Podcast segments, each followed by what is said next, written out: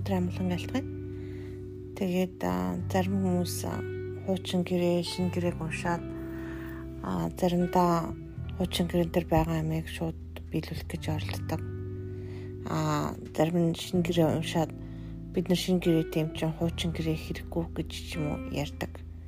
А ер нь бол шин гэрээ бол хуучин гэрээний гүйцэлт. А зарим зүйл бол улиран оцсон байна үнэхээр зарим зүйлийг хэврээл байгаа. Улиран оцсон зүйлсээс одоо жишээлбэл би та бүхэнд жишээгээр хэлээ л да. Жишээлгээд хоолтой холбоотой зүйлүүд зарим зүйлүүд. Тэгэхээр Левит номын 11:45 дээр эслэд уншиж өгье. Хевлэр мөлгөгч бүр дөрвөн хөлөөр явдаг. Олон хөлөөр газар дээгүр мөлхөх мөлхөгч амтан бүрийг та нар идэж болохгүй. Учир нь тэд жигшүүртэй болоо гэж хэлж байгаа. За ингээд хуучин гэрээ дээр бол энэ болохгүй. Хөлөөр мөлхөч зүйлийг идэж болохгүй. Жигшүүртэй гэж байгаа. Тэдгээрээр бид өөрсдөө бүү бузрлаа. Тэгвэл та нар бузар олно гэж байгаа байхгүй. Би бол та нарын бурхан эзэн. Тиймээс өөрсдийгөө ариусгаж ариун бэ. Учир нь би ариун билээ гэж. Би ариун учраас та нар ариун байцгаа гэж хэлж байгаа Та нар газар дээр мөлхөдөг мөлхөж амьдтын аль нэгээр өөрсдөө боцорлож болохгүй. Учир нь би бол та нарын бурхан болох. Энэ тулд Египтийн нутгаас та нарыг авчирсан эзэн болоо гэж. Иймээс би ариун учир та нар ариун байх ёстой гэж дахин давтаж хэлээд явчих. Тэгвэл би та бүхэнд Үйлс намын 10-аас 10 дугаар Үйлс намын 10-аас уншиж өгье. Тэгэхээр Корнел гэдэг нэгэн байгаа юм л да. Тэгэхээр энд бол ер нь бол хуучин гэрнээс ер нь ихэнх Израиль хүмүүс болохоор харимттай хүмүүстээр очтдгүү, хоол иддгүү, хамт цаагалдгүү тийм байдалтай байж байгаа. Яг бол одоо бузарт чинь гэж яагаад ер нь бузар болж болохгүй гэд. Тэгээ яалтчгүй бас мөлхөж амьдтай идэж болохгүй гэд бичсэн байна. Аа тэгэхээр шинэ гэрэн дээр бол тэр нь алга болсон байна. Аа тэрнээс гаднаас гим нүглийн тахил рүүдэг байсан бол дахиж тахил өргөх шаардлага байхгүй А гэхдээ бид нар талархлын өргөлч гэдэг юм уу тий өөр өргөлүүдийг бол өргөсөн хэвээр байдаг.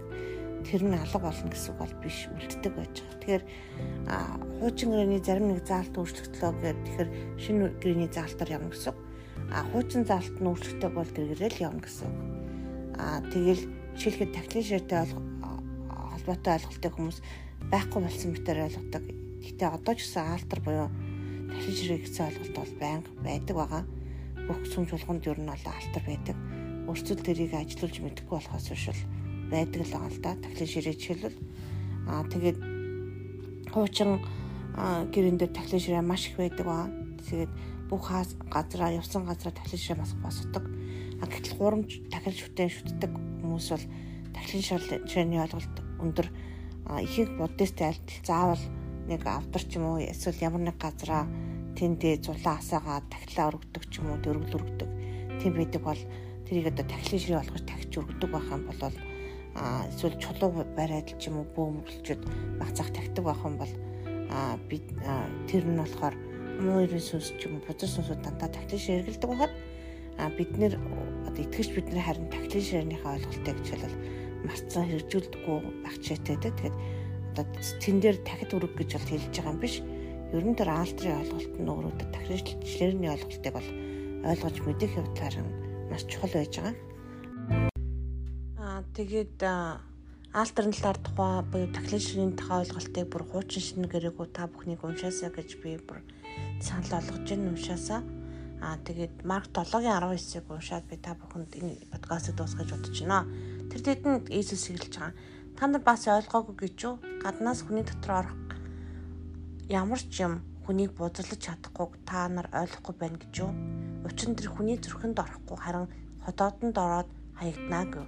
Бүх хоол хүнс цэвэрдгийг тэр тийм илэрхийлжээ. Тэр Иесус өөрөө хоол хүнс цэврээ гэж хэлсэн байгаа. Тэр үйлс бас ном дээр ч гэсэн бүх хоолуудыг цэвэрлсэн талаараас гардаг байж байгаа. Бүхэн ариусгасан талаар. Тэгэхээр хуучин гэрэн дээр алийг авч үлдээд шин гэрэн дээр алийг шинжилсэн мэн гэдгийг бас та бүхэн олж уншаасаа. Тэгээд үнэхээр хуучин шингэрийг бүтэн уншаасаа гэж хүсэж байна. Тэгээд Библийг уншихдаа ариун сүнстэй хамт уншаараа. Тэгээд бас мэрэгүү ухаан гууж, тайлбарыг гууж ойлгож өөрөө ойлгосон гэхээс илүү бурхан юу гэж хэлэх гэсэн бэ гэдгийг ойлгож уншаад дараа нь бас эзнээс бас өөрөө ойлголтыг гуйж аваараа гэж бас дахин дахин хэлмээр байна. Тэгээд таанд бас библийн уншилт бод бурхны амьд үгийг уншихад чинь амжилт хүсье.